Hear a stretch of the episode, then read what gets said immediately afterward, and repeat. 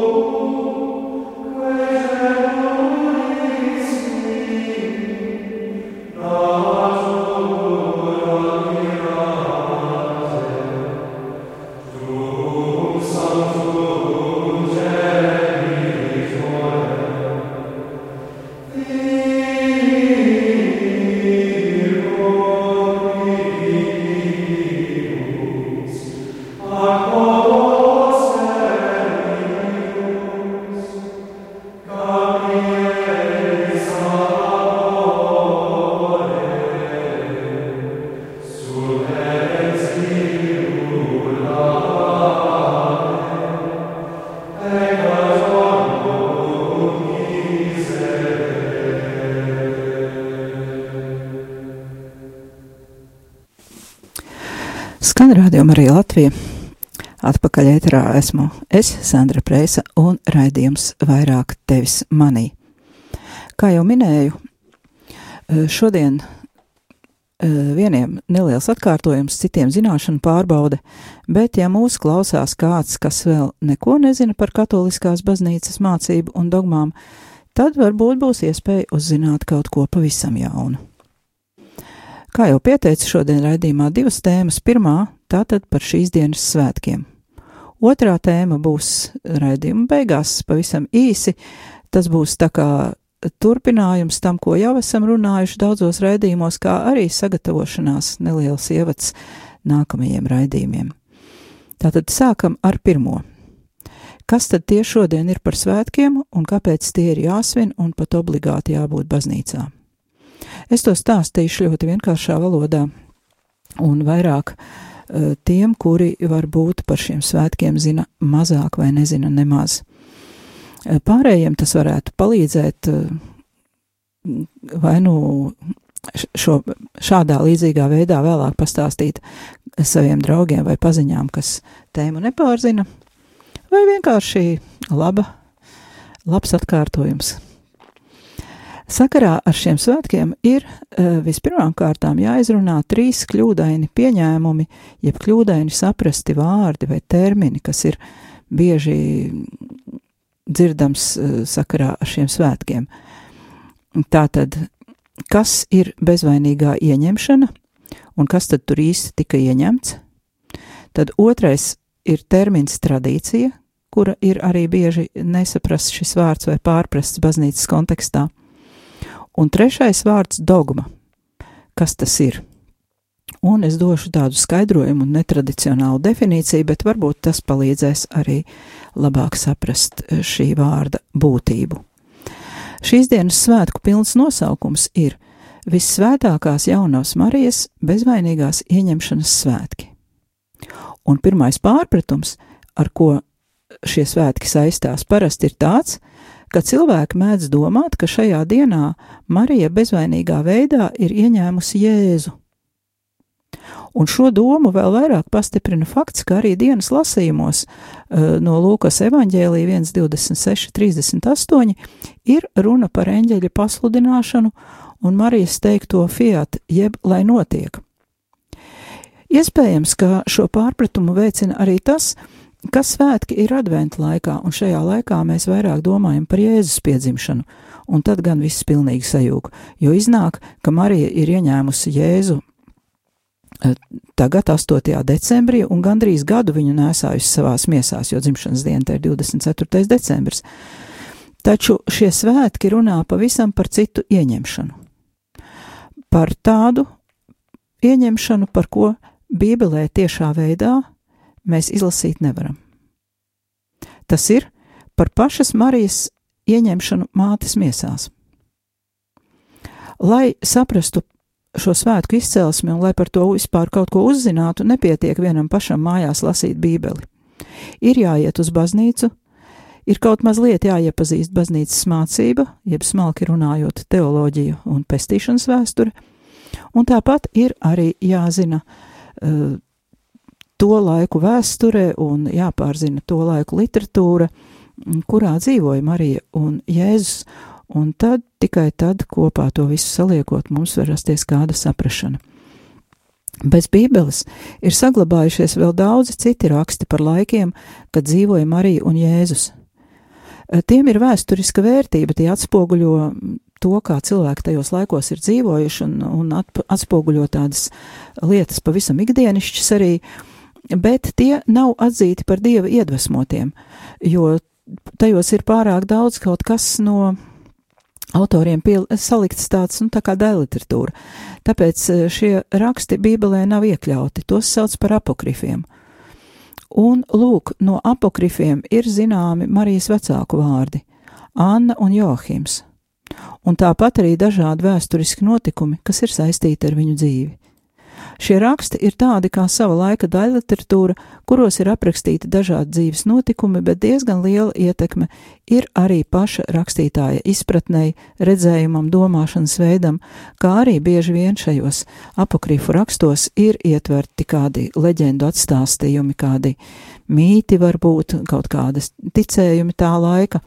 Tātad eh, tas nav dievu iedvesmots teksts, tie ir vienkārši sava laika uh, daļliteratūras darbi ar vēstures elementiem, ja vēstures, vēsturiski darbi ar daļliteratūras elementiem, kaut kas tāds.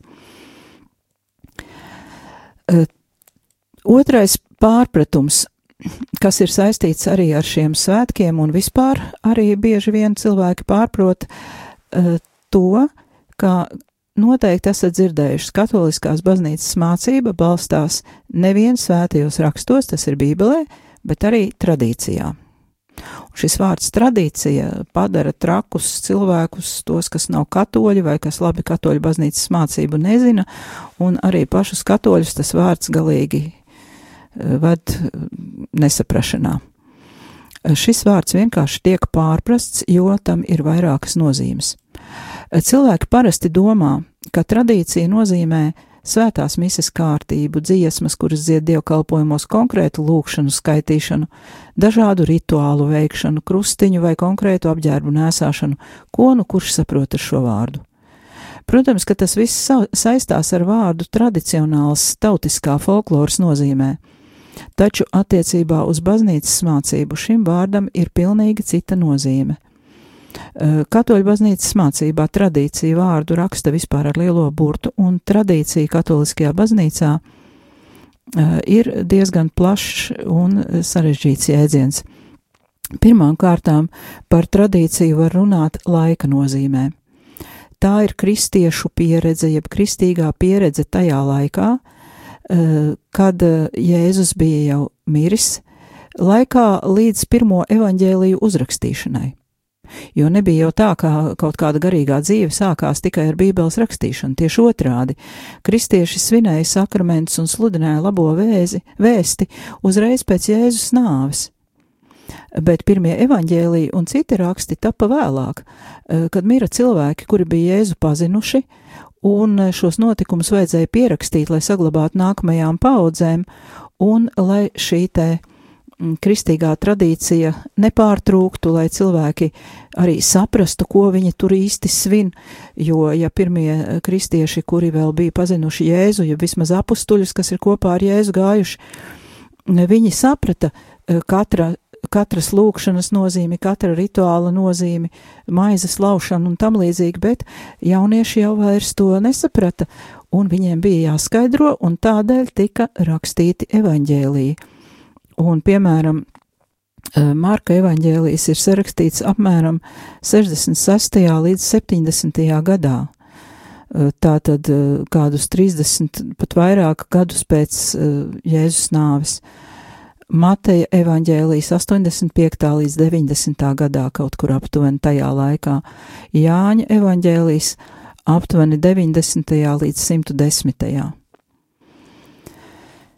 Tātad pirmā nozīme tradīcijai, tātad tas ir laiks līdz evaņģēlīju uzrakstīšanai, tas, kā dzīvoja kristieši, kuri vēl uh, bija pazinuši personīgi vai nu Jēzu, vai nu apustuļus.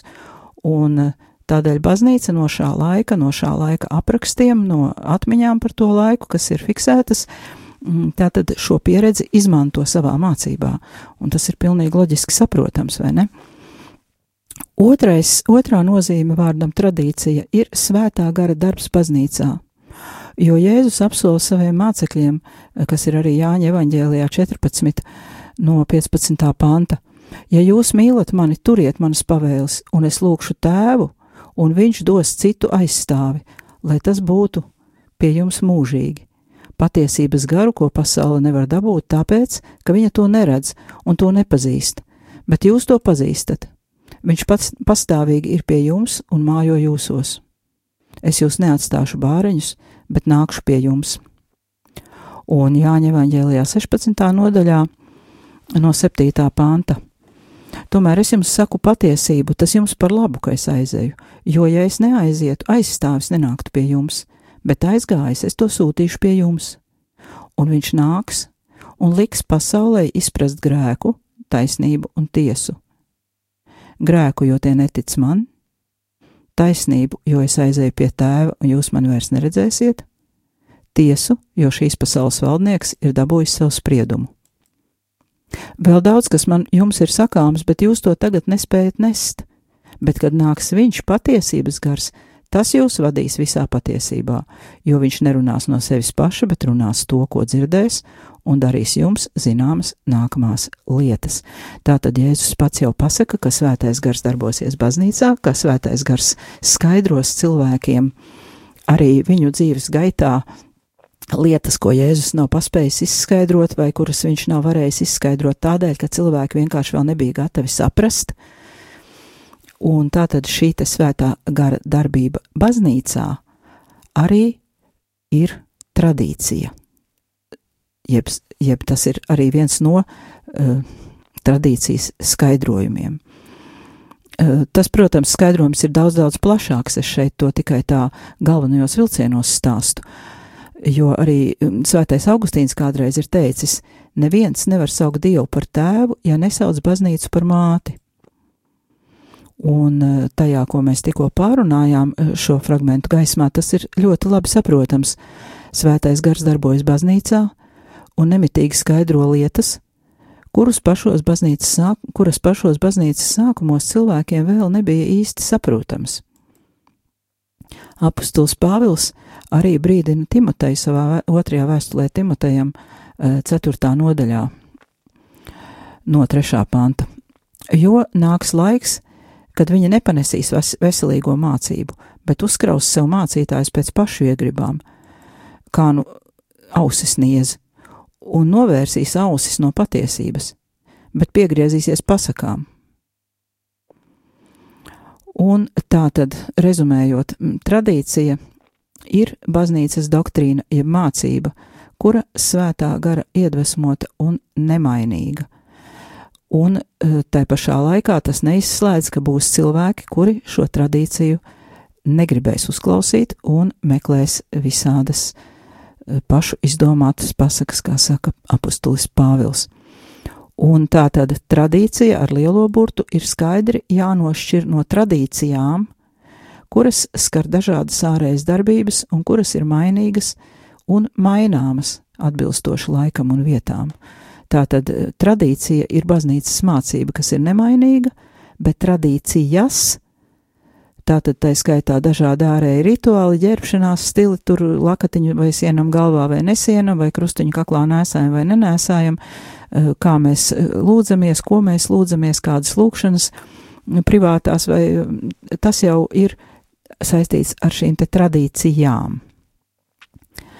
Trešais pārpratums, ja pareizāk sakot, drīzāk aizspriedums,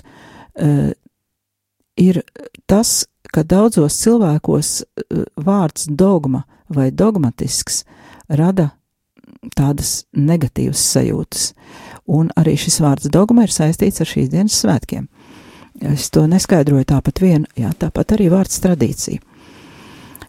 Pie negatīvās nozīmes radīšanas vārdam dogma ir piestrādājuši gan paši kristieši, kuriem izglītības un izpratnes līmenis nav ļāvis uh, lietas saprast, vai arī aiznevēlēšanās mācīties kaut ko jaunu, uh, kristieši ir uh, tā kā dogmu padarījuši par kaut ko tādu uzspiestu un nepatīkamu un negatīvu, vai varbūt tas ir arī dumpiniecības vai pazemības trūkuma dēļ, jo cilvēki nav spējīgi pieņemt kaut ko, kas tiek viņiem pasniegts kā patiesība, bet eh, ko nav viņi paši atklājuši.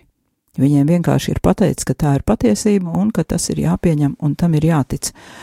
Un interesanti, ka, piemēram, matemātikā arī ir tā saucamās axiomas, eh, kuras mēs visi skolā esam mācījušies, kaut kādas patiesības matemātiskas, eh, kuras vienkārši ir, kuras neviens nepierāda, kuras ir vienkārši jāiemācās, ka tā ir un viss. Un kaut kas, kaut kas līdzīgs, kaut kas līdzīgs ir arī ar dogmām, jo kāds jau ir atklājis to, ko šī axioma izsaka, ja? vai tāpatās kāds ir arī atklājis, ko izsaka dogma. Noteikti pie šīs negatīvās attieksmes pret vārdu dogma vainīgi ir arī autoritāri un netalantīgi pašu kristiešu skolotāji, kuri neskaidro, bet uzspiež zināšanas. Un, protams, to visu izmanto arī baznīcas ienaidnieki, lai sētu neusticību un šaubas kristīgo cilvēku sirdīs un prātos. Man pašai kaut kā manā ticības ceļā nav bijušas problēmas ar dogmu pieņemšanu, taču kādreiz man bija grūtības to izskaidrot citiem, jo es tās pieņēmu ticībā un tā, nu, speciāli neanalizēju, kāpēc es viņas pieņemu. Man kaut kā tas tā notika vienkārši ar dievu žēlastību. Bet uh, man bija grūti cilvēkiem, citiem pateikt, nu, kāpēc tas nav slikti, kāpēc tas varbūt ir labi pat šīs dogmas pieņemt. Un uh, līdz kamēr manās rokās nonāca kāda krievu reliģijas filozofa Nikolai Berģājeva apcerējums, kas saucas inteliģences garīgā krīze. Uh, šis te apcerējums sastāv no vairākām sadaļām, un rakstā dekadence un mistiskais realisms, autors brīnišķīgi skaidro to, kas īsti ir dogma, jeb kā vajadzētu īsti saprast šo te dogmas pašu būtību, no kurienes tāda dogma rodās. Un citāts no grāmatas. Dogmatisms, šis nepatīkamais, atgrūdošais un apmelotais dogmatisms Iespējams, ir tieši spēja atpazīt mistiskās redzes apskaidrošanās, spēja nosaukt vārdā pasaules realitāti. Šajā nozīmē mistiskais realisms vienmēr ir dogmatisks. Tas vēlas atpazīt realitāti, nosaukt to vārdā, runāt nevis par jūtām, bet par būtnēm, par esamību, jo realitāte ir nevis sajūtas, bet gan būtnes, kuras ir šo sajūtu un pārdzīvojumu nesējis. Tātad varam secināt, ka dogma nav nekas sastīnzis, bet gan vistiešākajā veidā tā ir saistīta ar svētā gara darbību, un dogma uh, ir mēģinājums ietērpt vārdos un piešķirt formu uh, konkrētai mistiskai pieredzei.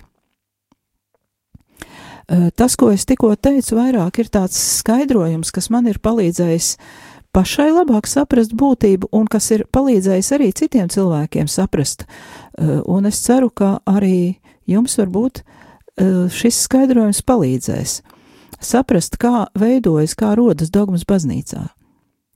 Eh, tās ir svētā gara darbs, baznīcas mistiskās pieredzes īsts apkopojums, rezumējums. jo baznīcā svētais gars atklājas nemitīgi, un mēs zinām, ka ir svētie cilvēki, kuri piedzīvo dažādas atklāsmes, kuri rakstījuši arī dažādas garīgas grāmatas, uh, un uh, kur, no, pēc kuriem ir palikušas lūkšanas, kuras mēs joprojām lietojam, vai kaut kādas garīgas dziesmas, ko mēs dziedam baznīcā. To ir ļoti, ļoti daudz, un viens cilvēks savā privātajā garīgajā dzīvē nevar nākt pie tik fundamentāliem atklājumiem, eh, kādas, kādus mums eh, sniedz dogmas, jo dzīve un saprašana ir par īsu un ierobežotu. Viens cilvēks to vienkārši nav spējīgs.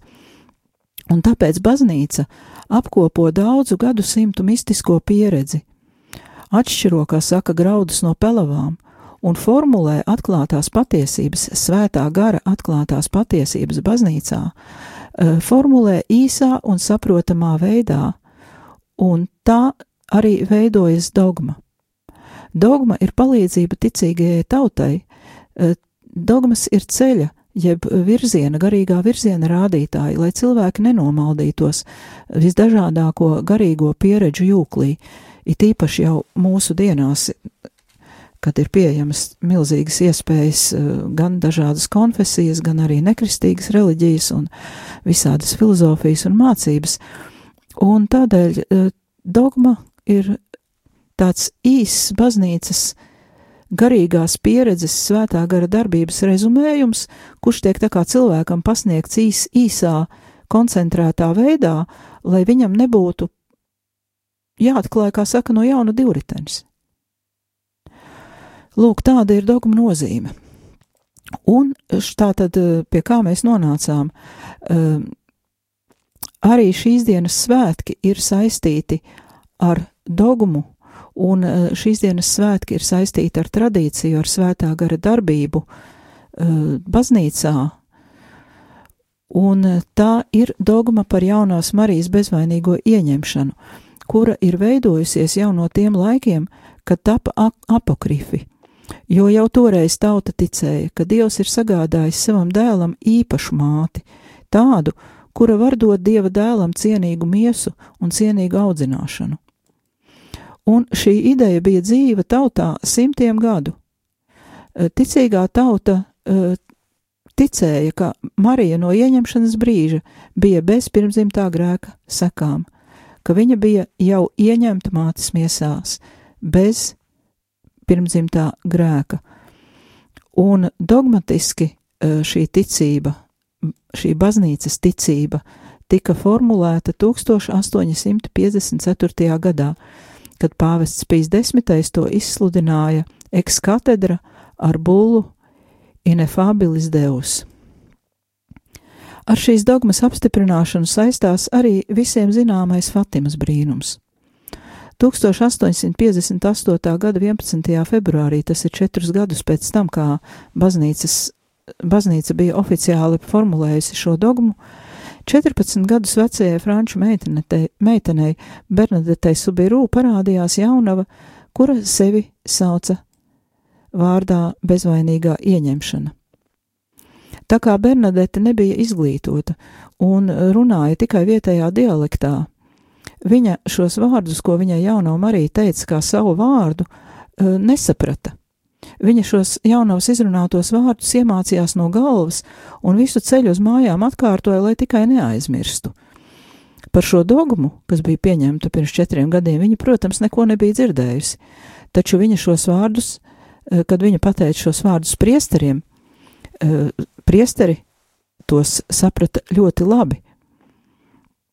Un tāpēc arī Fatimas parādīšanās tika atzīta par īstu un oficiāli apstiprināta, jo uh, bija pilnīgi skaidrs, ka šī neizglītotā lauku meitene, kura eh, nevienu vārdu nezina latīniski, mm, kura bija atnesusi priesteriem šos vārdus, pateikusi uh, to, ko viņai teica jaunā, vai es esmu bezvainīgā ieņemšana, tas bija pilnīgi skaidrs, ka šī meitene šos vārdus nav izdomājusi pati vai ietekmējusies no kaut kādām mācībām, no baznīcas mācības vai no teoloģijas studijām, un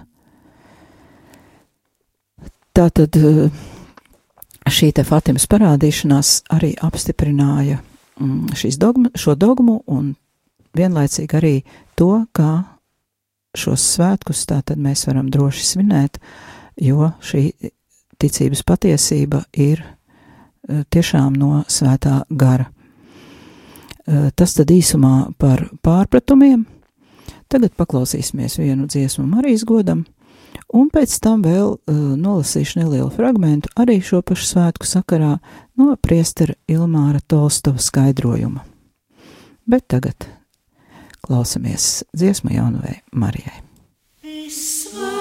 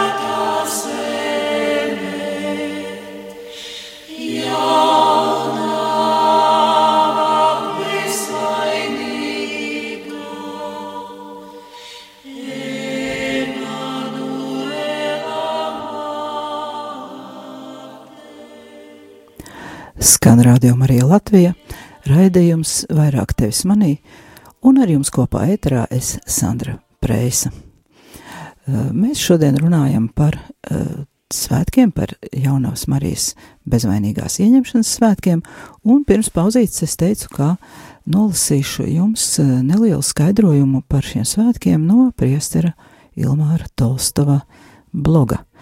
Un tagad citēju. Dogma par Marijas bezvainīgo ieņemšanu tika pasludināta 1854. gadā, un tā skan: Svētlaimīgā jaunā Marija, kopš paša pirmā savas ieņemšanas brīža, pateicoties īpašai visvarenā dieva žēlastībai un labvēlībai, cilvēces pestītāja Jēzus Kristus dēļ, ir tikusi pasargāta no jebkāda pirmgrēka traipa. Un arī priesteris Ilmārs piebilst, ka vēlākie notikumi mazajā Francijas ciematiņā Lurdā ir apstiprinājuši šī svarīgā fakta patiesumu. Bet kāpēc mums ir jāsvin šie lielie svētki un ko tie nozīmē? Vispirms jāsaka, ka šie ir jaunās Marijas svētki, bet cieši saistīti ar Jēzu Kristu. Jēzus Kristus, patiesa Dievs un patiesa cilvēks, nāca šajā pasaulē jaunās Marijas miesās. Bet lai viņš, kurš ir Dieva dēls un absolūti svēts, varētu ienākt cilvēka, sievietes, Marijas miesās, bija svarīgi, lai šīs miesas būtu svētas un pasargātas no iedzimtā grēka traipa. Katoliskās baznīcas katehisms uzsver, lai Marija kļūtu par pestītāju māti, Dievs viņai piešķīra dāvanas, kas piemērotas viņas tik cildenajam uzdevumam. Pasludināšanas brīdī eņģelis Gabriels sveicināja viņu kā žēlastības pilno. Patiešām, lai Marija varētu ticībā brīvi piekrist pasludinātajam aicinājumam, bija nepieciešams, lai viņu pilnībā vadītu dieva žēlastība. Tas ir katehisma 490. punkts. Kā zinām, pēc Ādama un Ievas pārkāpuma visi cilvēki ir iedzimtā grēka skarti. Kristības sakramentā mēs tiekam atbrīvoti no šī grēka. Bet jaunā Marija nevarēja saņemt kristības sakramentu, jo kristības devējs Jēzus vēl tikai nāca. Tādēļ Dievs izdarīja korekciju dabiskajā lietu kārtībā, un tajā brīdī, kad Marija ienāca Annas savas mātes miesās, viņa, Marija, jau tika atbrīvota no iedzimtā grēka un arī visas savas dzīves laikā no jebkura padarītā grēka. Tādējādi tika aizsargāta Jēzus dievišķība, un viņš varēja nākt tīrā, neskartā traukā, jaunās Marijas miesās. Svinot šos svētkus, mēs svinam un apbrīnojam Dievu, kuram ir tik brīnišķīgs plāns Marijas un katra mūsu dzīvē. Daudzi protestanti nesaprot katoļu un savā veidā arī pareizticīgo teoloģijas stingro nostāju attiecībā uz Marijas lomu Dieva plānā. Caur jaunās Marijas godināšanu mēs uzsveram gan Jēzus dievišķību, gan cilvēcību un uztveram šīs proporcijas pareizā līmenī. Tiklīdz kā tiek noliekta jaunās Marijas loma pestīšanas plānā, tā momentāli sākas visa cilvēciskā noliekšana kristīgajā ticībā. Ko mēs redzam, piemēram, jā, Ilmārs Tolstovs piemina Latvijas kristīgā rādījā prezidentu tātad viņa personā. Marijas godināšana nemazina Kristus unikālo starpniecību, tieši otrādi. To uzsver, nostiprina un norāda, ka Kristū ir klātesoša pilnīga cilvēcība un pilnīga dievišķība. Katehisms uzsver, ka šo absolūti unikālā svētuma spožumu, ar kuru viņa ir tikusi bagātināta kopš pirmā sava ieņemšanas brīža, visā pilnībā viņa saņem no Kristus – Viņa ir atpirkta izcilā veidā sava dēla nākamo nopelnu dēļ. Viņai vairāk nekā jebkurai citai radītajai personai tēvs Kristū ir devis ikvienu garīgo svētību debes lietās, eh, kā saka Efeziešiem 1.3. Dievs ir izredzējis Mariju pirms pasaules radīšanas, lai viņa mīlestībā būtu svēta un nevainojama viņa priekšā. Efeziešiem 1.4 un Katehisms 492. punkts. Pārspīlētā protestantismā viss cilvēciskais momentāli kļūst ļauns. Varam, piemēram, skatīt ievērojamā luterāņu teologa uh, Karla Barta teoloģiju.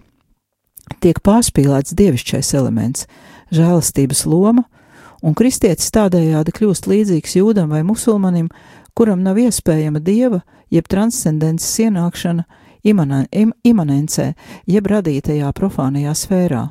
Viss cilvēciskais tiek uzskatīts tā kā konkurence ir pretstats dievišķiem. Baznīca 8. decembrī uh, svin svētkus, kurus ir pasludinājusi par lielajiem svētkiem, un ticīgajiem ir obligāti jāpiedalās šajos svētkos kā svētdienā. Ja darba vai citu apstākļu dēļ tas nav iespējams, tad vismaz vakarā mēģināt aiziet uz svēto misi.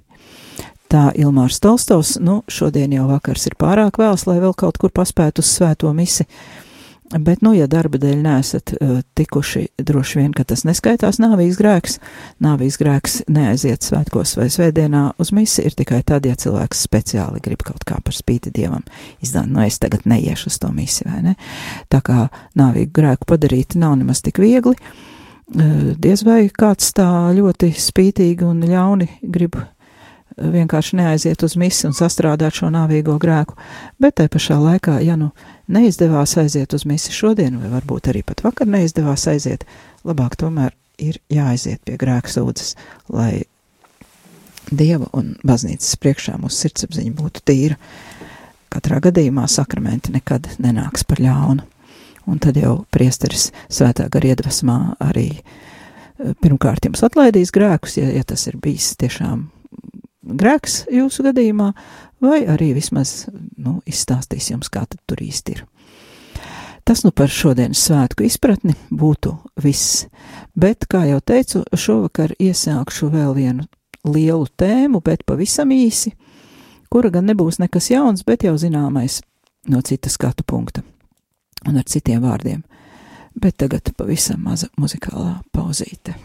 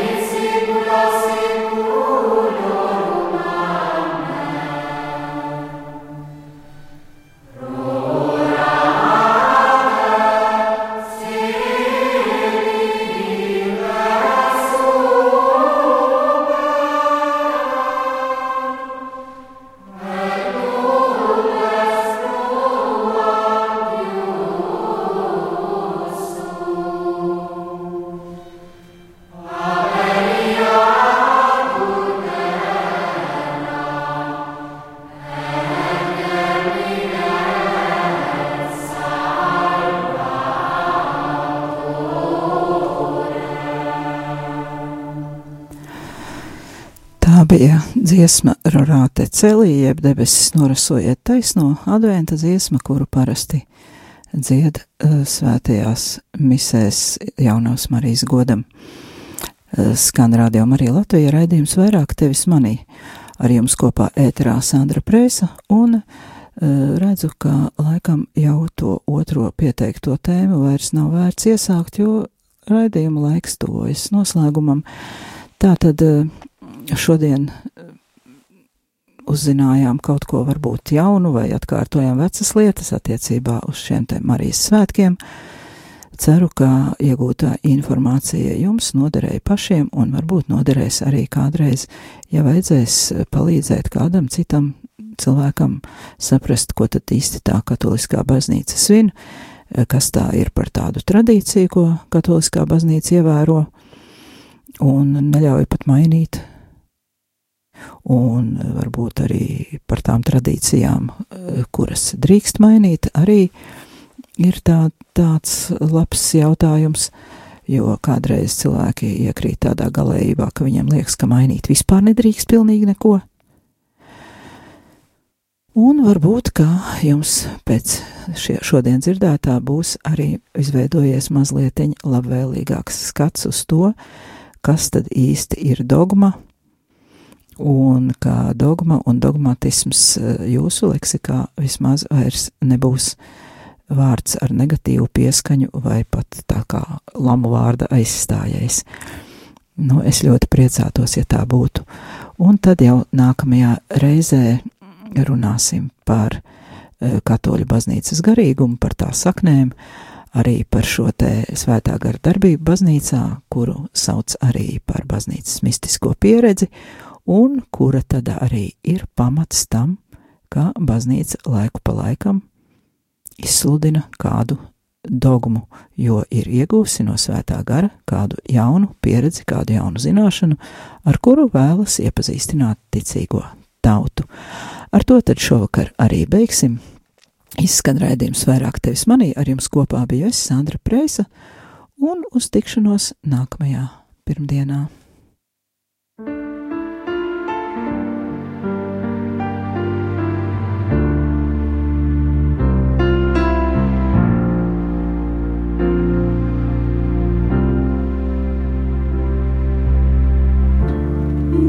see.